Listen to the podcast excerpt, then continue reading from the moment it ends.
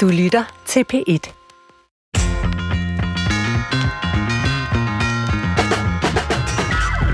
Hvis nu det var dine børn, der legede, at de havde hængt Saddam Hussein, ville du så blive bekymret? Eller når du selv leger med noget, der måske er lidt på kanten af det normale, skal man så til at passe på? Nej, mener dagens gæster. Lejen skal vi tage alvorligt, men ikke så alvorligt, at vi ikke tør bruge den menneskelige nysgerrighed, for det er den, der holder os i live på en sjov måde. Så velkommen til en lejende time her på Brinkmanns Brix. Og selvfølgelig en øh, varm velkomst til dig, også til retlægger Christoffer Heide Højer, min efterhånden mangeårige legekammerat. Hvad er det for en øh, tilgang til leg, vi har her i dagens udsendelse, som du har planlagt? Jamen, det er jo den farlige leg. Den farlige? Den leg, som nu er jeg jo selv blevet forældre, som jeg jo ofte nævner i det her program, fordi det fylder ens liv. Så, øh, så er det jo de her lege, som man som forældre har lyst til at stoppe, eller i hvert fald i rettesætte. Og måske øh, er det en dårlig strategi, men jeg bliver nødt til lige at bare vente den om mod dig, Svend. Hvis en af dine børn, da de var lidt yngre, måske også nu, havde øh, leget sådan en leg med at hænge Saddam Hussein ind i et legehus, og pædagogen måske ringede og sagde, der er et eller andet, vi måske lige skal være opmærksom på med lille Preben. Hvad vil du så sige? Jeg tror faktisk, det er jo nemt at sige nu, øh, mine børn er for længst forbi den alder, og øh, jeg erindrer ikke at have fået sådan en opringning nogensinde, men jeg, jeg tror faktisk, at jeg ville have taget det meget roligt. Jeg vil nok være mere bekymret, hvis de øh, gerne ville være Saddam Hussein, eller sådan noget, og idoliserede ham, øh, og, og synes, han var en fantastisk fyr.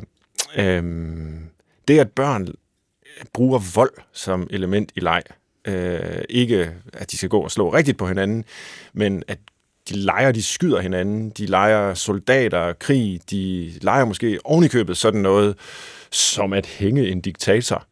Øh, det, det husker jeg også fra min egen barndom. Det vi også gjorde. Øh, vi hængte også Barbie-dukken og Kent-dukken, eller hvad det nu var. Øh, det er da lidt mærkeligt. Det er mærkeligt, og øh, ja, jeg er jo blevet psykolog siden, øh, og, og kan lege mig udmærket, på trods af, at øh, jeg som mange andre børn gjorde den slags. Og jeg må sige, øh, ja, så, altså, som optag til dagens udsendelse her, der har jeg jo så siddet og faktisk og tænkt over de her ting, og er begyndt at undre mig lidt over, at jeg selv har gjort sådan noget, og at jeg har set børn gøre sådan noget. Men egentlig har jeg aldrig undret mig over det før, og det er måske så selv mærkeligt, at jeg bare har taget for givet, jamen selvfølgelig render børn der rundt og øh, leger, at de skyder hinanden, eller spærrer hinanden ind i fængsler, eller hænger hinanden ned fra broer, øh, eller, eller hvad man nu leger. En anden teori, vi nok bliver præsenteret for i løbet af den her time, det er det her med, at vi måske leger for få risikovillige lege, kan man kalde det, eller farlige lege, vilde lege. Ja. Altså, den helt klassiske, som jeg leger meget derhjemme i tiden, det er jo Titte Bø, øh, hvor man lige får sådan en lille, eller i hvert fald giver en etårig sådan en lille, uha, hvad er det nu, der kommer, ikke? Ja, det er sjovt. Øh, og det på en eller anden måde skulle være med til, at man kan lære at være i den følelse af skræk, eller uhygge, eller utryghed. Ja. Og så senere hen i livet, kunne genkende den følelse af vide, det er ikke nødvendigvis alt udslættende at opleve utryghed. Tror du, nu øh, prøver at give den, øh, den store hat, den, det store billede på, men tror du, det kan være med noget af det, som sker i dag, vi leger for få øh, vilde lege, vi øh, pakker vores børn for meget ind, som jeg måske gør, øh, og så en dag, når de møder verden, så er den pludselig farlig? Ja, altså det er ikke noget, jeg har forsket i selv, så jeg glæder mig til at høre nogle eksperter fortælle mere om det, men den hypotese, du fremlægger der, synes jeg, det lyder plausibel. Øhm, og der er jo noget ved de her, altså for eksempel Tille Børlein ser relativt holdbar ud og universel. Altså det er jo noget, jeg gjorde også, og selv blev udsat for, da jeg var barn, og man garanteret også gøre på tværs af kultur og sådan noget. Det med at få den der frygt, den, øh, måske den søde frygt, øh, der også munder ud i en kærlig omfavnelse bagefter og sige, at ah, det var ikke så slemt, men man har alligevel lige smagt på det, så man måske vender sig lidt til, at det er en følelse, der er okay at have fra tid til anden. Øh, ens liv stopper ikke, fordi man får et chok eller bliver bange for noget. Så det, det kan jeg sagtens følge. På den anden side, så har jeg også tænkt over, som forberedelse til i dag, at vores børn jo virkelig ser meget vold. Øh, altså, de er eksponeret for krig, for katastrofer øh, i medierne. Øh, altså den klassiske med, med, med TV-avisen. Nu ved jeg ikke, hvor mange børn, der sidder og ser øh, Flow-TV på den måde, og følger med i nyhederne. Men alle mulige kanaler, de kan få adgang til den slags. Jeg ved godt, det ikke er helt det samme som leg, men der får de jo også, øh, hvad kan man sige, adgang til noget farligt. Noget mange sikkert bliver øh, bange for. Så måske er problemet, at de netop måske ikke får bearbejdet det gennem en leg. De får ikke hængt Saddam Hussein. Nej, netop. Det øh, kunne være en lidt provokerende hypotese at, at afprøve i hvert fald. Nu øh, kender man jo den her, det her begreb livslang læring.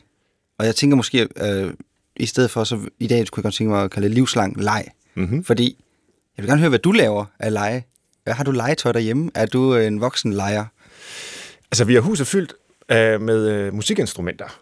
Jeg ved ikke, om det tæller som leg, men øh, det er der noget. Altså, nogle gange så sidder jeg bare og klemper på klaver og skriver en lille sang, eller på lidt på gitaren, eller Det skal vi høre en dag. sidder og synger en Leonard Cohen-vise, når jeg er i dårligt humør, og så får jeg det lidt bedre af, at han også har været i dårligt humør, da han skrev den. Og så, har jeg, så leger jeg, at jeg er professionel cykelrytter. Det er meget barnligt.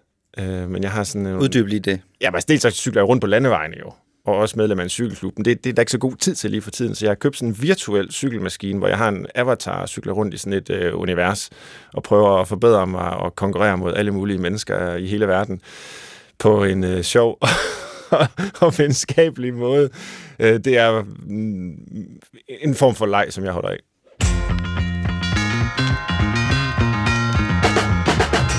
Velkommen til Brinkmanns Brix, hvor vi i dag skal tale om at lege. Og jeg har to gæster i studiet. Den ene er øh, Helle Hovgaard Jørgensen, der er lektor i anvendt forskning i pædagogik og samfund ved pædagoguddannelsen i Odense og Svendborg. Velkommen til dig, Helle. Tak.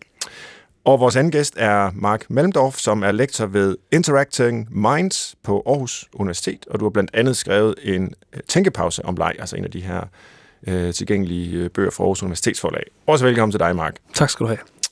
Ja, øh, Helle, jeg tror, jeg vil begynde med dig, fordi det her eksempel med Saddam Hussein, der blev hængt, som jeg nævnte, og som Christoffer udfrittede mig om, det har vi jo faktisk 20 stjålet fra dig. Kan du ikke lige fortælle, hvad det handler om med det der eksempel, Saddam Hussein, der blev hængt? Jo, det kan jeg. Altså, det skete faktisk ikke i Danmark, kan jeg fortælle. Det er nogle norske børn, så, øh, så, så sådan noget gør danske børn ikke. Nej. Nej. Øh, altså, det er et eksempel, og det var egentlig ikke særlig godt, fordi de prøvede, egentlig, altså, de prøvede faktisk at hænge en ven i nogle, syv, så, altså nogle syvårige, men i lejen, det blev selvfølgelig opdaget, fordi det, det gør det heldigvis oftest, Ja, ja, inden det går rigtig galt. Og det gik heller ikke galt, men det var, altså det, det ramte medierne øh, på vej rundt, øh, eller rundt i verden.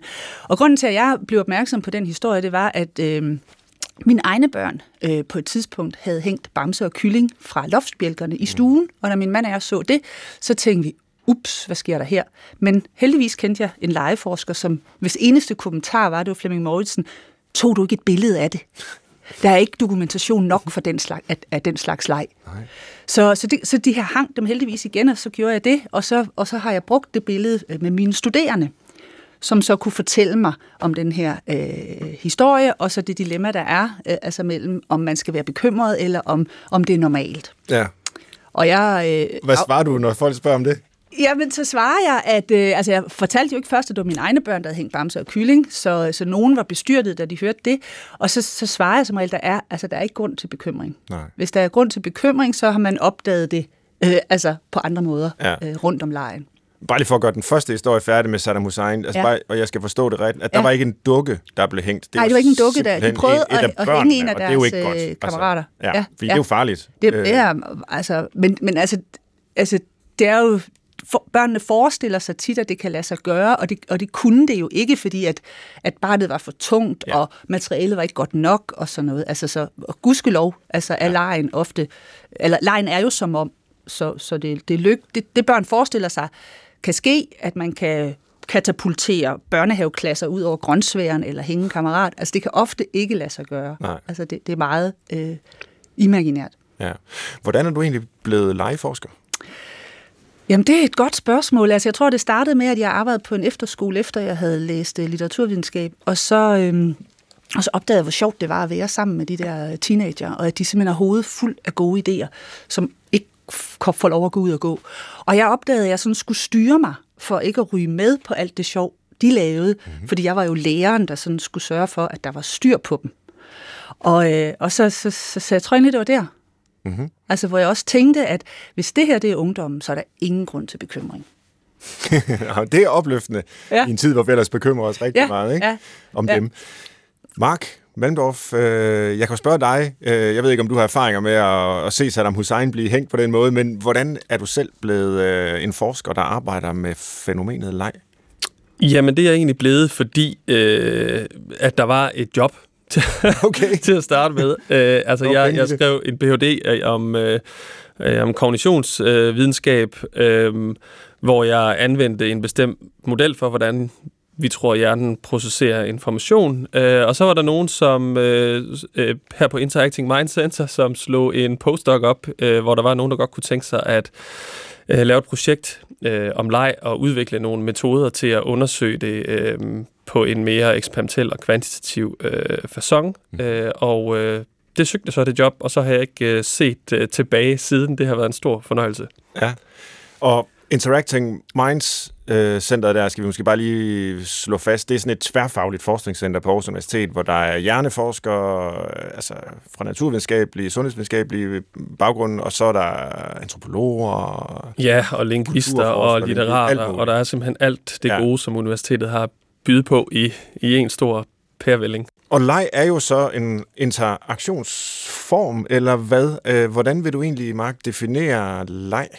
Altså det kan jo i hvert fald godt, og er jo ofte øh, noget, der sker i interaktioner med andre mennesker. Men øh, vi, øh, mine kolleger og jeg, øh, lancerede en, en, en legeteori for, jeg tror den blev udgivet sidste år, øh, som er sådan en, en kognitiv teori om, hvad leg egentlig er. Og i, og i den, der, der er det vores påstand, at leg det er en, en adfærd, hvor mennesker øh, søger efter moderate mængder af uforudsigelighed mm-hmm. i et forsøg på at nedbringe den her uforudsigelighed, altså transformere den til, til forudsigelighed. Og det er den proces, hvis den sker hensigtsmæssigt, så føles det enormt rart for mennesker, når vi transformerer uforudsigelige ting til forudsigelige ting, eller når vi, okay. når vi kan øh, finde overraskelser, som vi kan opløse, eller hvad man skal sige. Kan du prøve at give, altså putte et konkret eksempel ind i den formel, eller hvad vi skal kalde det, definition på leg, hvor den transformation sker,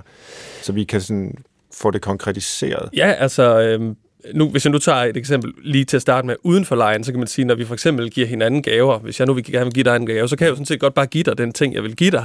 Men det jeg altid gør, det er, at jeg pakker, pakker den ind først, mm. fordi at jeg ved, at du får øget værdi af ikke at kunne forudsige, hvad der er inde i pakken, og du får værdi af at afvikle den overraskelse, der er at pakke pakken ud, for eksempel. Ikke? Ja. Øhm, men men i, i, i en legesammenhæng, der, øh, der er det simpelthen bare, at eller et barn, der får et nyt legetøj, de ved ikke, hvordan legetøjet fungerer endnu. Der er måske en knap, der er måske en, øh, en, en eller anden funktion, som legetøjet har. Øh, og ved at interagere med legetøjet, så bliver det her legetøj lige så stille forudsigeligt for barnet, indtil det er så forudsigeligt, at det er, er for kedeligt at lege med. Ja, okay. Er det, øh, er det en øh, definition, du kan tilslutte dig, Helle, eller hvad, hvordan arbejder du med fænomenet? Ja, altså det synes jeg lyder spændende, som en spændende definition, fordi der er jo præcis det der element af uforudsigelighed i lejen, men også, øh, altså, og det er også det, at gentagelsen og rytmen og sådan noget kommer ind for nemlig at overkomme den, og, og, og så, ja, Nå, ja, ja men øh, altså mit øh, perspektiv på leg er, er nok mere sådan kulturanalytisk, eller hvad skal man sige, hvor, Altså, hvor leje er en måde at være i verden på, kan, altså, hvor man er sådan er stemt for hinanden, og hvor øh, og, og, og lejen er så en praksis, altså vi taler, eller jeg taler om, at lejen er, er børns primære praksisformer, altså den måde, de er i verden på. Og derfor så er det jo også altså, vigtigt, at man altså, øh, interesserer sig for deres oplevelser og erfaringer med, med, med leje. Ja. ja. Jeg slog det op i, øh, jeg tror, den store danske, mm. hedder den vel, øh, den tidligere store danske encyklopædi, ja. som nu ligger på nettet, hvor der står, at leg er en proces, der ikke er styret af ydre formål, der rækker ud over selve aktiviteten, og den udtrykker spontan livsglæde og tilfredsstillelse ved aktiviteten i sig selv. Mm. Øh, altså, det er ikke instrumentelt, at vi leger. Det er ikke for at opnå noget som helst andet end selve det at lege, det er sådan den ene del af den leksikalske mm. definition her. Og den anden del er, at det er glædesfyldt. Mm. Altså det er noget, vi finder glæde ved at gøre i sig selv. Uh, og man kan måske også tilføje, det ved jeg ikke, om det er indhold i det, jeg lige har sagt, men at det er frivilligt. Mm. Det har jeg tit tænkt over. Altså kan man tvinge nogen til at lege? Eller hvad? Er det så egentlig leg? Det ved jeg ikke, om I som legeforskere har et, uh, et, et ja, på? Det, det vil jeg sige, det ikke er. Altså jeg vil sige, netop lige, altså der er mange, der taler om den frie leg, som, som, som er jo meget, det er meget, synes jeg, er problematisk at tale om, om fri leg, fordi fri for hvad, eller fri hvordan, men frivillig, ja, det tænker jeg helt klart, at den må være, fordi i det øjeblik, du, du tvinger nogen til noget, så vil de ikke opleve det som lejende, og, jeg, og, og altså, altså, hvis det er en måde at være i verden på, og en måde, at, altså, så, så vil man jo, altså, så vil, så vil man være stemt for leg, altså, på en måde, der bidrager til lejen, både min, lejen, min lejende oplevelse, men også at holde lejen i gang. Mm. Øhm, så, så derfor så kan man ikke tvinge. Jeg har prøvet med mine studerende at sige, altså, kom, 1, 2, 3. rejs jer op, nu leger vi. At, og det virker jo ikke. Nej. så det håber de ikke på, så dumme er de heldigvis ja, det, det gider man ikke, så bliver det ikke leg. Så bliver Nej, det altså det kan det jo godt, hvis man så tænker, okay, jeg har tillid til hende, hun øh, har nok en idé med det. Øh, det, er jo, det er jo en anden måde at, at gøre det på. Så nu skal I gøre, som jeg siger, jeg lover jer, det bliver sjovt, det bliver lejende. Og så, men det kræver jo, at de tænker, at det har, vi har erfaringer med hende, ja. det kan være. Altså, jeg tænker, jeg er helt enig uh, ja. i, at, uh, og det er også det, der er, hvad skal man sige, er, er, er kerneelementer i de fleste uh, lejedefinitioner. Det er det, den her frivillighed, at det er in, internt motiveret, uh, og så videre, så videre. Uh, men jeg vil så sige til den der, som man ofte faktisk tit hører i lejeforskningen, at lejen er sådan autotelix, tror jeg det hedder. Ja, det. Altså et mål i sig selv. At et mål, i sig selv, selv ja. ja at, at man ikke gør det ud over bare fordi det er sjovt.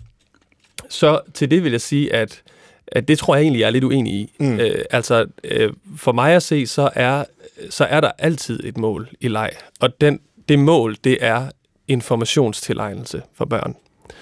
Det er rigtigt, det er ikke for at, eller de, de jager ikke tage fat for at fange et bytte, ligesom en, en løve måske gør. Eller, øh, så på den måde er der ikke en, en ydre belønning, men der er den belønning, der hedder, at børn tilegner sig information, når de leger. Og det, og det mener jeg, at det er det leg er i sin grundessens. Mm. Det er, at det er, det, er, det, er, det er børns øh, mest fornøjelige øh, og også bedste strategi til at tilegne sig information med.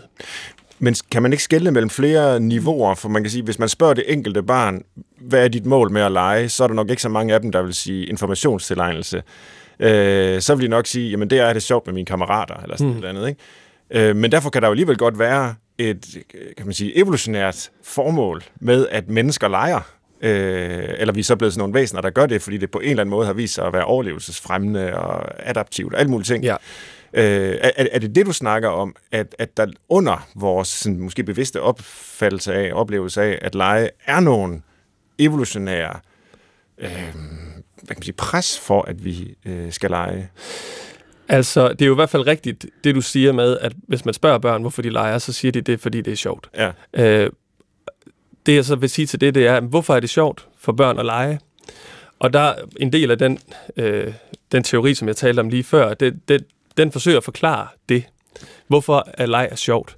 Og, der, og her lyder forklaringen, at det er fordi, at at vores hjerne er ligesom er sat sådan op, at den for, det, der er mange, der ligesom kalder hjernen for en forudsigelsesmaskine, og i de senere år, der er, man, der er det ligesom gået op for mange, tror jeg. Altså man kan sige, at psykologien har i rigtig mange år vidst, at, at hjernen baserer nogle af sine sådan, slutninger på, hvad den forventer. Men i de senere år, der har man ligesom, der tror jeg, det er gået op for, for os, at, at det her forudsigelsesprincip, det, det gennemsyrer muligvis alle hjernens processer. Så det er et langt mere gennemsyrende princip, end man hidtil har antaget. Så når børn oplever noget uforudsigeligt, så er det en mulighed for dem for at opløse forudsigelighed. Og det vi tror, der sker, det er, at hjernen, udover at registrere, hvor godt det går for barnet og forudsige virkeligheden, så har hjernen et, et andet monitorerende lag, kan man sige, som projekterer forventet overraskelse. Ideen er, at, at når et barn møder et fænomen i verden, så estimerer barnet faktisk ubevidst, hvor usikkert det her fænomen er, eller hvor uforudsigeligt det kommer til at blive at interagere med det, og konsekvensen af barnets egne handlinger. Mm. Og så sammenholder barnet den uforudsigelighed med den forventede uforudsigelighed. Og hvis, og hvis barnet så kan registrere, at det har held med at gøre verden mere forudsigelig, hurtigere end det oprindeligt havde estimeret, så producerer det så, så virker det på det do, do, dopaminergiske system, tror vi. Altså, får man det godt. Ja, så med andre ja. ord, hvis, hvis barnet lærer hurtigere, end det havde forventet, mm. så, så føles det dejligt. Ja. Og det er derfor, vi tror, at leg er sjov, og det er også derfor, at jeg siger, at leg dybest set handler om informationstilegnelse, og at følelsen af, at leg er sjov, det handler faktisk om, at barnet bliver overrasket over, hvor godt det går med at få styr på verden. Og du fortæller jo så, at det ikke kun er, det tror du sagde en bisætning i hvert fald, men at det ikke kun er mennesker, der leger. Mm-hmm. Øh, andre dyr ser også ud til at lege, end hver, der har kæledyr, hunde for eksempel, ved, at, øh, at, at man kan lege med hundene. De kan lege med hinanden, hvis man har flere. Øhm, så, så, så der er nok noget, kan man sige, fundamentalt ved sådan nogle levende organismer, i hvert fald pattedyr, øh, knyttet til lejen. Men kunne vi lave tankeeksperimentet, hvis lejen ikke eksisterede, mm. hvor ville vi så være som mennesker? Altså, nu diskuterer vi jo meget øh, kunstig intelligens og algoritmer og robotter og chat-GPT og alt muligt, som jo ikke leger, mm. men som bare kører afsted efter øh, en, et, et sæt af regler, ikke? Øhm, hvis mennesker ikke legede, vil vi så blive sådan nogen, eller hvad, Helle? Altså, jeg tænker, vi ikke ville være kommet meget længere. Vi var nok ikke engang kommet til stenalderen. Altså, så, så, så, fordi det er jo det der, det er jo, lige, altså, det er jo den der sådan opfindsomhed, eller evnen til at forestille sig, hvad nu hvis, altså det er en sådan kernespørgsmål, der gør, at vi har udviklet os. Mm. Ikke? Så hvis vi holder op med det, så holder vi nok også op med at, altså, så kan vi jo bevare tingene, som de er, så sker der ikke noget. Det kan være trygt for nogen, måske, men, øh, men det vil jo måske også ende ret kedeligt. Så, så jeg tænker, at øh, hvis vi holdt op med at lege, altså det er ikke en mulighed. Altså, så længe der er, er, er leg, er der liv. Eller så længe der er liv, er der leg. Altså, det, det, er, det, det er sådan helt grundlæggende for vores, øh, for vores kultur, at vi, øh, at vi udvikler os, altså finder på, op, altså, det nytter ikke noget, af, altså, det er Rane Villerslevs eksempel, at vi står foran øh, sabeltigeren og tænker, hov, den er farlig. Altså, det er en god idé for inden at have tænkt, hvad nu hvis jeg mødte en sabeltiger, hvad gør jeg så? Ja. Og så, øh, og så og have lejet kampen mod Lige præcis. Eller flugten og have, og have fundet nogle, fordi leje er jo også sådan det der, som en anden teoretiker siger, øh, at det, sådan, det er det der med, at man altså med fuldt overlæg øh, altså arbejder med de materialer, man møder. Så når, når, øh, når man, hvad nu hvis jeg skulle nedkæmpe en sabeltiger? Hvad nu hvis jeg tog den her sten? Hvad nu hvis jeg tog den her gren? Hvad nu hvis jeg satte det sammen? Og så sådan har vi jo, altså, øh, altså, og det er jo det børnene, de også gør. Og, og der er vi jo egentlig tæt på Marks definition med informations tilegnelse, ikke? Ja, men jeg er fuldstændig enig i, at, at et barn vil aldrig sige, at jeg går lige ud og træner min motorik, og så kravler det i træer. Nej. Eller jeg leger med sprogets symbolske og metaforiske kraft, når jeg siger, at vippen er en, øh, en katapult. Vel? Det vil være et usædvanligt barn. Det, det vil være et usædvanligt irriterende barn. ja, ja, jeg tænker også, at altså, nu nævner du selv dyrene der, det, vi, vi ved jo også, at, at det, der kendetegner dyr, der leger. Altså cirka 80% af pattedyr leger. Men hvis vi kigger på hele dyreriget, så det, der kendetegner dyr, som leger, det er, at de, er, øh, at de har meget store hjerner, relativt til, hvor stor deres krop er. Og, og, og de er skide gode til at lære ting.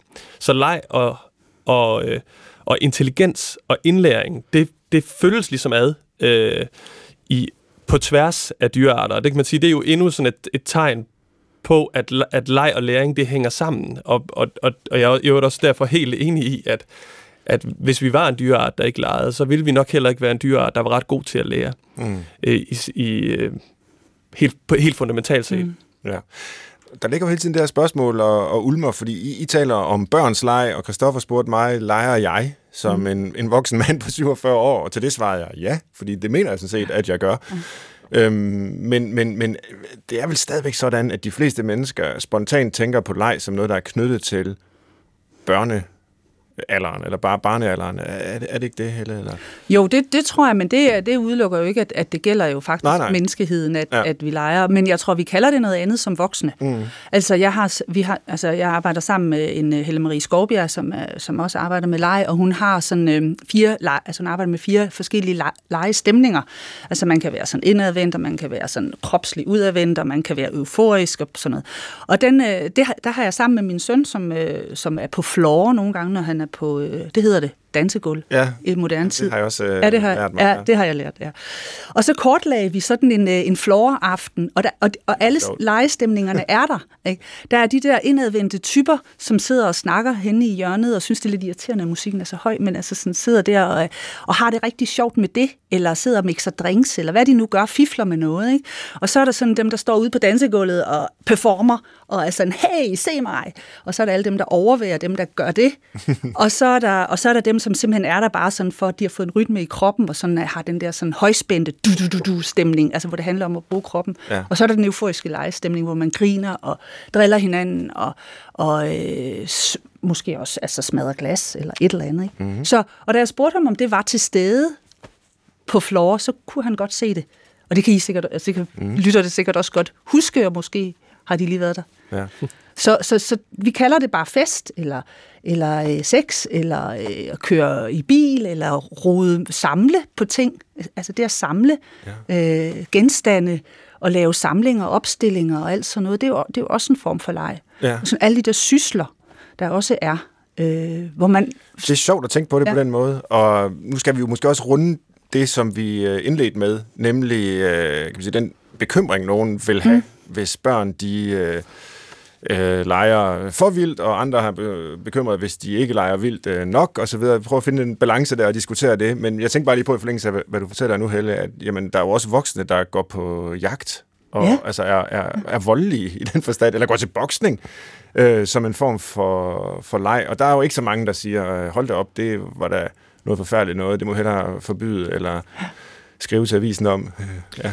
Jeg tænker bare lige at knytte en kommentar til det, for jeg er enig i, at voksne, de, de stopper ikke øh, med at lege, og vi kalder tit vores hobbyer. Det, det vil vi helst ikke kalde leg, vi kalder det en hobby, eller vi Ja. kalder det noget andet, men, men, vi, men, det, er, men det er stadigvæk tilfældet, at voksne leger mindre end børn. Øh, Mm. Og det er også tilfældet øh, på tværs af dyrearter, at yngre individer leger mere end ældre individer. Og det tror jeg, det handler om, at voksne på en måde er forbandet af den viden, vi har tilsam- tilegnet os i løbet af livet. Det er, øh, fordi, at leg skal være overraskende for organismen. Og det er derfor, at en toårig synes, vandhanen er sjov, eller en etårig synes, vandhanen er sjov at lege med. Men også der har været igennem en coronapandemi, vi synes, det er skidetræls at vaske fingre efterhånden. Øh, fordi vi, den situation er så forudsigelig for os, og dermed kan den ikke blive lejende for os. Men det betyder jo ikke, man kan sige, at voksne skal gøre sig mere umage for at finde mm. øh, områder i deres liv, hvor de kan overraske sig selv, og hvor de kan komme ind øh, og opleve nogle, nogle spændende, øh, nogle spændende mm. interaktioner med deres omverden. Men alt i alt, så lyder det på jer, som om, at vi som øh, voksne ikke skal være så bekymrede for børnenes lege. Altså, Helle, du havde eksemplet med Bamse og Kylling, der blev hængt, så er meget øh, ja, illustrativt. Øhm, men altså, helt generelt, altså, er der så grund til, øh, som voksne overhovedet, at kan man sige, blande sig i børns leg, øh, holde øje med, Ja, hvordan børn ja. leger, leger Det er der gode grunde om til, børns ja. lege, eller hvad? Det er der gode grunde til, men ikke for at være bekymret, Nej. Men for at være interesseret. Eller, altså for eksempel den digitale leg, der er det jo en super god idé, at man som voksen er, er i dialog med, med børn og interesserer sig for, hvad de laver. Men altså... Øhm, Altså det, det, jeg kommer til at tænke på, når du, når du siger det der, om der er grund til bekymring, øh, altså, altså det er der, altså, altså man kan jo tydeligt se, altså, eller det, vil, det er ikke svært, hvis man sådan interesserer sig for legens væsen, at se, og, altså det børn også gør, og det er der, hvor, det, hvor jeg synes, det bliver rigtig spændende, det er, at de reflekterer i lejen, altså de reflekterer, at dette er leg. Altså, altså små børn siger, så sagde vi, at du var tigeren. Så lægger de sådan øh, datids distance til, Ja. og, så, øh, og, så, og så er de i rollen, og, og der er sådan nogle refleksive niveauer i lejen, hvor man kan se, de ved godt, at nu leger vi at et eller andet. Så, så, øh, så der er ikke grund til bekymring, for de børn de udforsker også det her skæld mellem øh, som om virkeligheden og så virkeligheden. Og det gør de på forskellige måder. I Bamse og kyllingssituationen, der så spurgte jeg jo øh, sønnen, hvorfor hænger de der? Øhm, og så, så træder han sådan i karakteren, han ranker lige ryggen, så træder han sådan lige et skridt side, til side, sænker stemmen, han er syv år, ikke? Så siger han, jo, men øhm, det var fordi, jeg legede, jeg var sådan en 20 mand. Og så har Bamse og Kylling stjålet, øh, eller så havde jeg stjålet Bamse og Kyllings hus, og så var jeg nødt til at dræbe dem. Okay. Der er jo ingen logik i det udsagn, vel? Men det er tydeligt, at jeg ikke behøver at være bekymret for, at han går over og siger til naboerne, vi vil have jeres hus, så er jeg nødt til at dræbe jer. Mm. Øh, fordi at, at, at, han, at han træder i karakter som lejer, og det, det kan man meget let se, altså, at, at øh, børn gør. De ja. reflekterer at de leger, når de leger. På forskellige måder. Metakommunikerer om det, eller, eller er i rolle, eller, øh, eller er instruktør. Eller, altså, der er sådan forskellige øh, positioner, de har i lejen.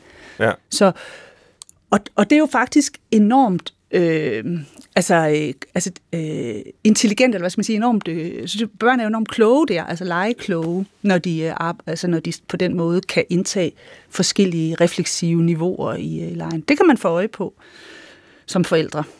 Ja. Mark, hvad vil du sige til øh, den her bekymring for, jamen, måske øh, får vores børn ikke nok eksponering for øh, det skræmmende. Christoffer havde i indledningen den her øh, sekvens med øh, Tille Bøge, hedder det på dansk. Mm, øh, ja. ja som, som gør drengen glad, øh, men også lidt bange. Ja. Og der er sådan en fryd i det, som man godt kan huske fra sine egne børn, og måske endda også lidt fra sig selv, da man var meget lille, nogle af de tidligste erindringer. Ja. Øh, og, og så er der nogen, der siger, jamen i dag, og det gjorde Christoffer sådan set også, altså der, øh, der får børn ikke nok muligheder for det der, fordi vi pakker dem ind, og vi tilrettelægger mm. alting, og der er ikke noget, der, der må ikke være noget friktion. Mm. Øhm, er, er det en bekymring, du deler? Øh, ja, det er det. Øh, øh, altså, der er, der er en masse forskning, der peger på, at, at børn ligesom... Øh, altså, at fordi der er flere, der er flere flere af os, der bor i byer, for det første. Og i byerne, der er der mere og mere trafik, øh, og det betyder, at børn i langt mindre grad end tidligere leger usuperviseret. Mm. Altså hvor de voksne ikke står og kigger dem over skulderen. Øh, og så har vi selvfølgelig de her lækre skærme, som mange af os bruger rigtig meget. Dem kan børnene også godt lide at bruge. Øh, og alle de faktorer sammenlagt betyder, at børnene i dag er mere indenfor, og de er mere under opsyn, end de var før. Og det er nok øh, lidt en skam, fordi at vi kan se, at børn interesserer sig faktisk for ting, der er ubehagelige og lidt farlige mm. og nervøsitetsinducerende og, og så videre og så videre. Altså de, og det gør vi andre jo sådan set også. Vi kan jo også godt lide at se en uhyggelig film mm. eller en sørgelig film. Eller, så, så, så, vi har, så vores nysgerrighed, øh, den kan man måske nogle gange godt få sådan et lidt, lidt romantiseret billede af. Og det samme med leg. Men, men vi har jo også brug for som mennesker at opdage øh, ubehagelige sider af livet, og ubehagelige sider af vores følelsesregister, og så videre, så videre, igen, for at lære om dem. Øh, og, og der kan jeg godt være bekymret for, at vi, at børn ikke har nok muligheder, øh, eller ikke så mange, som de kunne have, for at udforske den del øh, af livet og sig selv. Ja. Og jeg kan sagtens følge den hypotese, og der er jo teori, du fremlægger, der ligesom bakker hypotesen op, at den lyder plausibel. Men er det noget, man kan afprøve empirisk? Altså kan man studere konsekvensen af, at børn måske ikke leger så skræmmende, uforudsigelige lege længere, at børn er mere indenfor, at børn ikke får lov at bevæge sig usuperviseret rundt osv., alle de ting, du beskriver. Altså har vi nogen form for data på, hvad det har af, af, af konsekvenser? Ja, altså man kan godt undersøge det empirisk. Vi, vi er i gang med at forsøge at lave blandt andet et sådan forskningsprojekt, hvor vi øh, forsøger at spørge øh, en, en meget stort antal af forældre om, hvor ofte deres barn engagerer sig i lege, som barnet både synes er uhyggelige eller skræmmende og sjove mm-hmm. på én gang. Mm. Øh, og, og altså dermed frivilligt. Ja. Øh, og så prøve at se på, om der er en sammenhæng mellem det og så nogle af de øh, personlighedstræk, som man ved, der for eksempel forudsiger angst. Øh, mm. Og der har man nogle forskellige spørgeskemaer, som, som man anvender, øh, blandt andet, øh, hvor, øh, ligesom hvor, hvor usikkert er dit barn, øh, i, når det møder nye øh, øh, ukendte øh, situationer. Og de data har vi ikke øh, analyseret nu, så jeg kan desværre ikke fortælle dig den, den direkte, den direkte sammenhæng der, men, men vi ved, at børn interesserer sig for de her ting fra en meget ung alder, helt ned til vuggestuealderen sågar, kan børn godt lide forskrækkelser og ting, der er uhyggelige, i, selvfølgelig i aldersvarende øh, afmålte øh, mængder. Men ja. altså, Bjørnen sover eller øh, Titte Bøge er jo sådan set det, vores første oplevelse med et, et jumpscare, som vi kender det fra, fra gyserfilm. Mm. Ikke? Ja. Ja, jeg har godt tænkt mig at supplere her, fordi vi ved også fra, fra sådan et projekt Science og Leg, vi, vi arbejder i, at børn er jo enormt optaget af døden også. Og, og ude i børnehaverne har de døde kasser. Altså, hvor øh, altså det er dyr, de har fundet, der er, døde, og så ligger de i en kasse, og så studerer de forrådnelsesprocessen. Så den hele det der sådan forfald og nedbrydelse, øh, nedbrydning af børn optaget af. Ligesom vi også ved, at det er en, en kvalitet ved lejen at smadre. Altså det der med, at vi bygger op, så river vi selvfølgelig også ned. Mm. Altså, og at lejen selvfølgelig både rummer livet og døden. Ikke også? Altså det ville være mærkeligt, hvis, man, hvis den ikke gjorde. Mm. Altså så, så, så, så det er jo, ja, så, så ud fra sådan et, et, øh, hvad skal man sige, kulturelt eller eksistentielt sådan, øh, synspunkt, så, så er, er man selvfølgelig optaget af det uhyggelige, det skræmmende, det farlige, det alt muligt. Død og ødelæggelse er, en, er, er, er noget, børn er meget optaget af. Ja, min, min gode kollega øh, Mathias Klasen, som jeg arbejder en del sammen med, øh, har blandt andet været involveret i et studie, godt nok med voksne, hvor de undersøger sammenhængen mellem voksne, der ligesom leger med frygt, kan man sige, øh, ved at se gyserfilm. Øh, og, øh, og så kiggede de på sammenhængen mellem de her mennesker, som gjorde det meget, og folk, der ikke gjorde det så meget, øh, og, og hvor, hvor stressede de var under coronapandemien. Mm. Og de fandt, at de, øh, de mennesker, der så mange uhyggelige øh, ting, de var ikke så påvirket af, af den her pandemi. Og ligeledes så, så har vi, øh, der er blandt andet fremsat en, en anden teori for nylig om vild leg som en beskyttende faktor for udvikling af angst. Hvor ideen er, at eller det er en slags eksponeringsidé, som man allerede kender den fra det kliniske psykologi, men hvor man siger eksponering som forebyggelse i virkeligheden. Hvor at, øh, at man også har fundet i nogle studier, de er ikke mere end, jeg tror ikke, de er mere end et år gamle, at, at børn, der legede mange af de her, det man kalder risky play på engelsk, de øh, ligeledes også klarede sig bedre øh, i forhold til mentalt velbefindende under coronapandemien. Mm-hmm det er utrolig spændende øh, kan man sige, øh, perspektiver, der er i det, I fortæller her. Og hvis jeg bare skal prøve at sammenfatte det og runde den her del af det af, øh, ja, så kan man sige, at vi har jo evidens for, at det, øh, det ser i hvert fald ud til, at flere og flere børn og unge øh, bøvler med angst. Og som end også depressioner og andre af de her affektive lidelser. Og en, en, en hypotese kunne være, i forlængelse af, hvad I siger, og det er nok med alle mulige forbehold, men at, at de simpelthen ikke er blevet udsat nok for øh, overraskende, skræmmende situationer gennem leg. Og kropslige leje, kropslige, tænker jeg også. Altså, ja. at kroppen er jo en vigt, vigtig del ja. af det også. Og så skal der nok alle mulige forbehold til, mm. fordi vi ved jo også, at børn har forskellige temperamenter, formentlig øh, fra naturens hånd, altså medfødt. Øh, så det niveau, der skal til for ligesom at optimalt stimulere det ene barn på den her måde, er jo nok et helt andet end det, der skal til for det andet barn. Så hermed ikke sagt til alle forældre, der måtte lytte til udsendelsen i dag, nu gælder det bare om at rende rundt i huset og slå på grydelåg, øh, hver gang øh, den lille purk øh, runder et hjørne, og, og hele tiden skræmme barnet, fordi så får det ikke en angst som voksen. Der kunne man nok måske oven købet have den modsatte hypotese altså en barn, der konstant bliver forskrækket for et lidt svært liv. Ikke? Ja. Men altså, det er jo derfor, at jeg synes, leg er så genialt. Ja. Det er fordi, at til trods for individuelle forskelle i sådan temperament og følsomhed hos børn, ja. så behøver forældre sådan set kun at, at lede efter øh, fornøjelse hos barnet. Altså hvis barnet synes, det er sjovt, mm. så er det et udtryk for, at barnet øh, ligesom lærer på en, en, en optimeret øh, façon. Og det er det, der er, det er det, der også gør, at lejen har det her enorme perspektiv, også i, i undervisningssammenhængen. Fordi der er ligesom indbygget en mekanisme, ser det ud til fra min stol i hjernen, der, der fortæller barnet, lige nu der lærer du faktisk hurtigere, end du selv havde regnet med. Og det giver barnet den der følelse af, ej, hvor er det fedt at lege. Og det er sådan set et signal, som voksne kan se. Så der er ingen grund til at gå og, og klaske med grydelåg derhjemme, øh, men, men i stedet for at opfordre til, til, til barne, øh, øh, barnestyret eller barneinitieret ja. øh, leg med, med uhyggelige stimuli, så, så tror jeg, man, er på, man, man kommer et, et langt stykke vej. Og det sidste, lige før vi går videre til næste del, øh, og når vi er ved spørgsmålet omkring, eller vedrørende psykiske lidelser, så, så slog det mig, da jeg tidligere citerede definitionen på leg fra den store danske encyklopædi, at der også står i den definition, at lejen er modsætningen til arbejde, alvor og endnu depression. Mm. Øh, og det er jo et af mm. tidens store problemer at vi har depression. Kan man sige, det skyldes mangel på leg? Ja, det, det ved jeg ikke, men jeg, jeg tænker ikke, at leg, eller hvad hedder det, leg er modsætning til, står i modsætning til arbejde. Altså, det, det tænker jeg faktisk ikke. Men, øh, men depression? Men, men det er, altså ja, det er der en, øh, det er der en legeteoretiker, der, der har sagt i sin tid, altså, at øh, leg er det modsatte af depression. Og det, det tænker jeg øh, altså, giver god mening i lyset af, hvad vi har, har snakket om.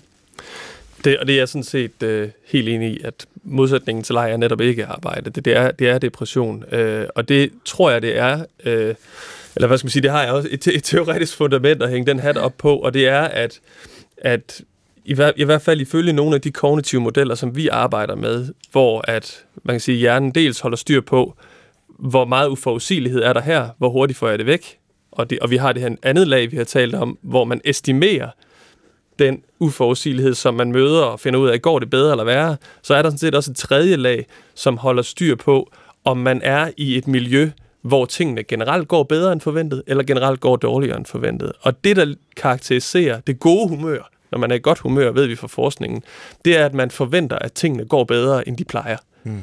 Og det, der karakteriserer depression, er lige præcis det modsatte. Mm. Det er, at man øh, forventer, at tingene vil gå dårligere end, forve- end forventet, kan man sige. Det lyder lidt øh, hvad hedder det, øh, cirkulært, men at man, at man har en forventning om, at tingene kommer til at gå meget værre, end de plejer.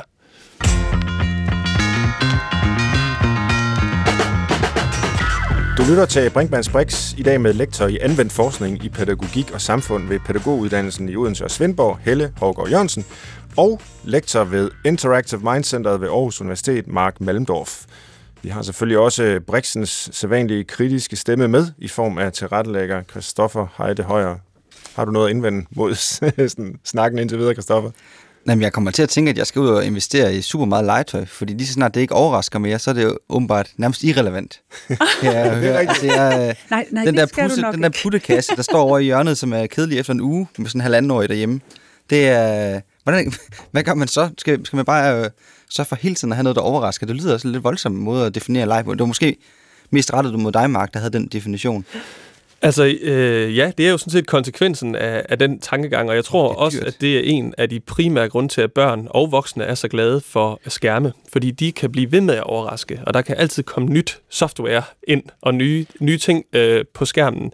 Et alternativ er selvfølgelig, at øh, vi lader børnene selv øh, gå på opdagelse, eller i, hver, mm. i hvert fald tænker meget mere i, jamen hvad er alternativet øh, til, at mit barn kan gå op på værelset og lege med de samme dødkedelige stykker legetøj, som de har leget med de sidste øh, mange måneder, jamen det er selvfølgelig at, at, at præsentere barnet for nogle øh, miljøer, som for barnet vil være overraskende. Og det kunne for eksempel være ved mere usuperviseret øh, leg.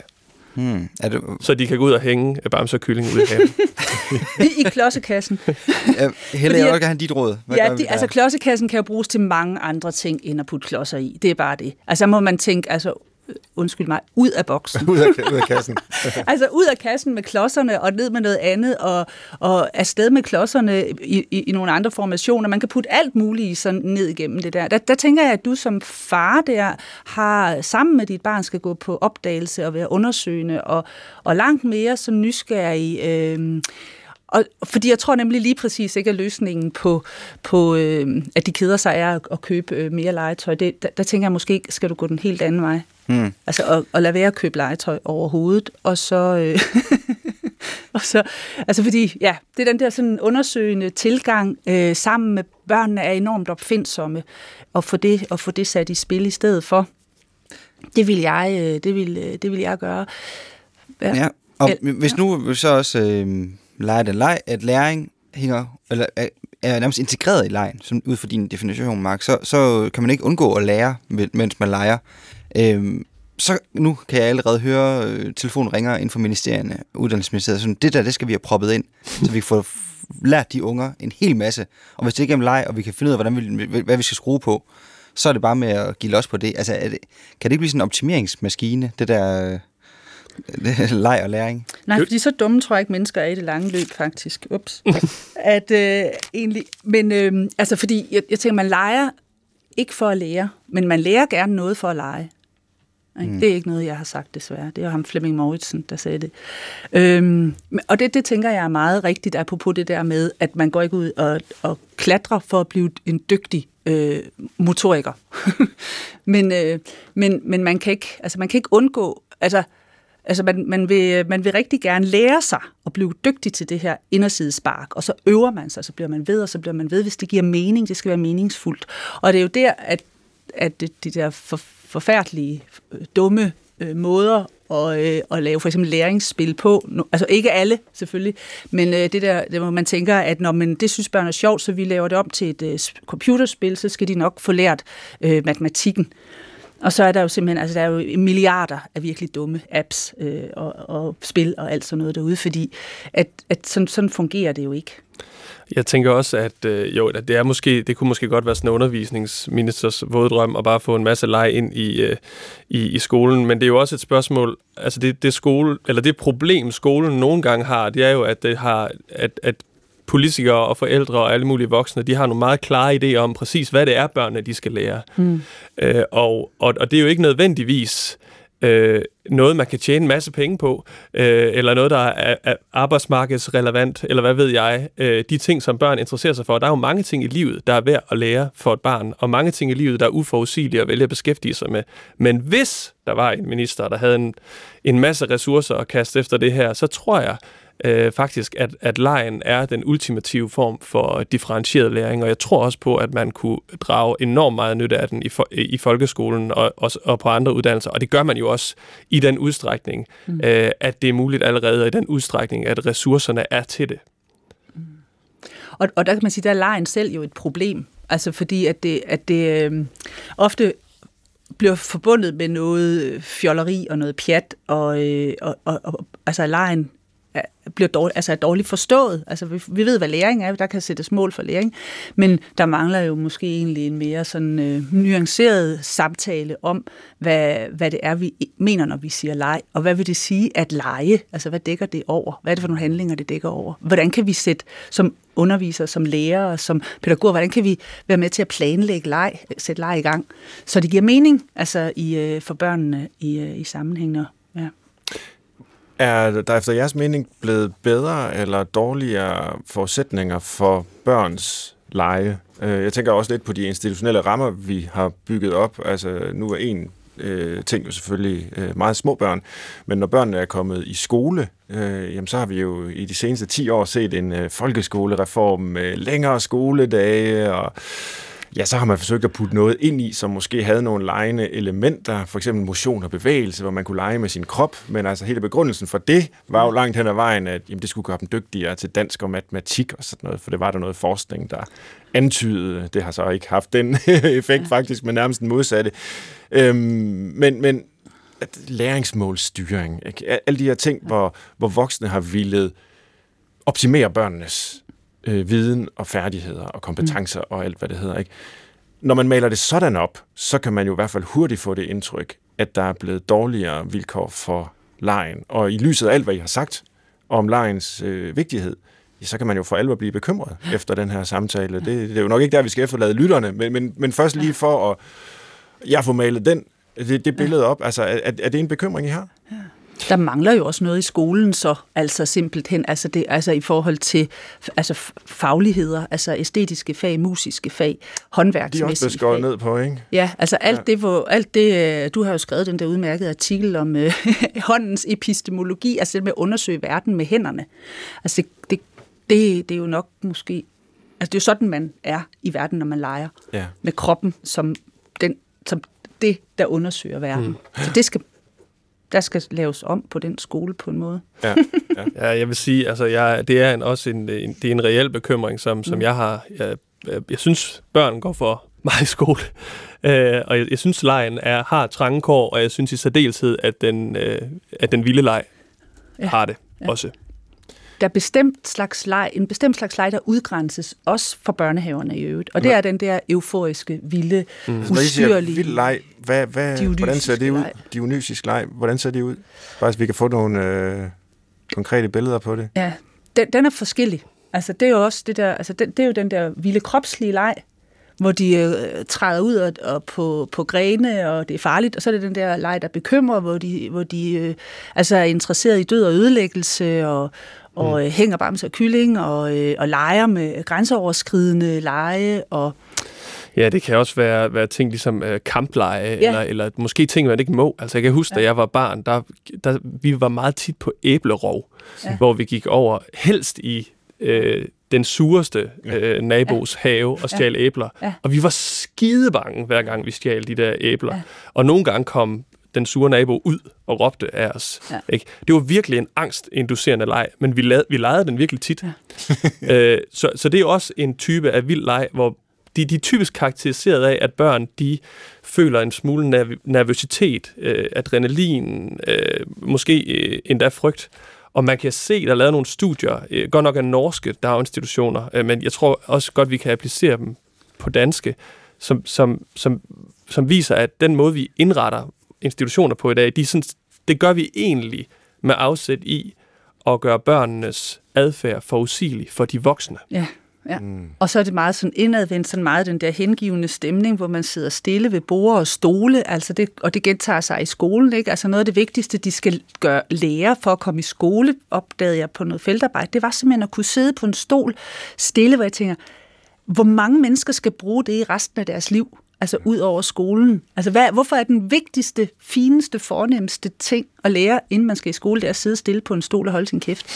Altså, det er da trist. Ikke? Så, så, så jeg tænker, at... at øh, men jeg, jeg synes egentlig, måske ikke, de går for meget i skole. Jeg synes bare, at skolen er blevet indrettet på en træls måde. Så hvis de gik... Fordi de møder jo hinanden i skolen og har alle muligheder for at, at lege sammen og, og danne, altså gøre en hel masse fede ting. Jeg synes bare, der bliver lukket ned for børnenes egne idéer, øh, og så bliver de sat øh, ved nogle borde og stole. Og, og det er selvfølgelig også karikeret, for der findes super dygtige mennesker derude, der arbejder virkelig øh, godt øh, og kreativt. Og hvis I så skal prøve at være lidt øh, opbyggelige her mod øh, slutningen, det har I også været undervejs, men nu, nu endte vi bare et sted her, hvor, hvor det måske var en anelse øh, depressivt i virkeligheden med, med den vej, det, det er gået for, for samfundsudviklingen og, og muligheden for at lege. Men hvordan kan I forestille jer, at det vil øh, kunne udvikle sig fremover, hvis vi gennem lejen skulle danne mennesker øh, til at lære noget og fungere godt og blive velfungerende, ja, øh, lykkelige individer i vores samfund. Altså, hvor, hvor ser I lejens fremtid der?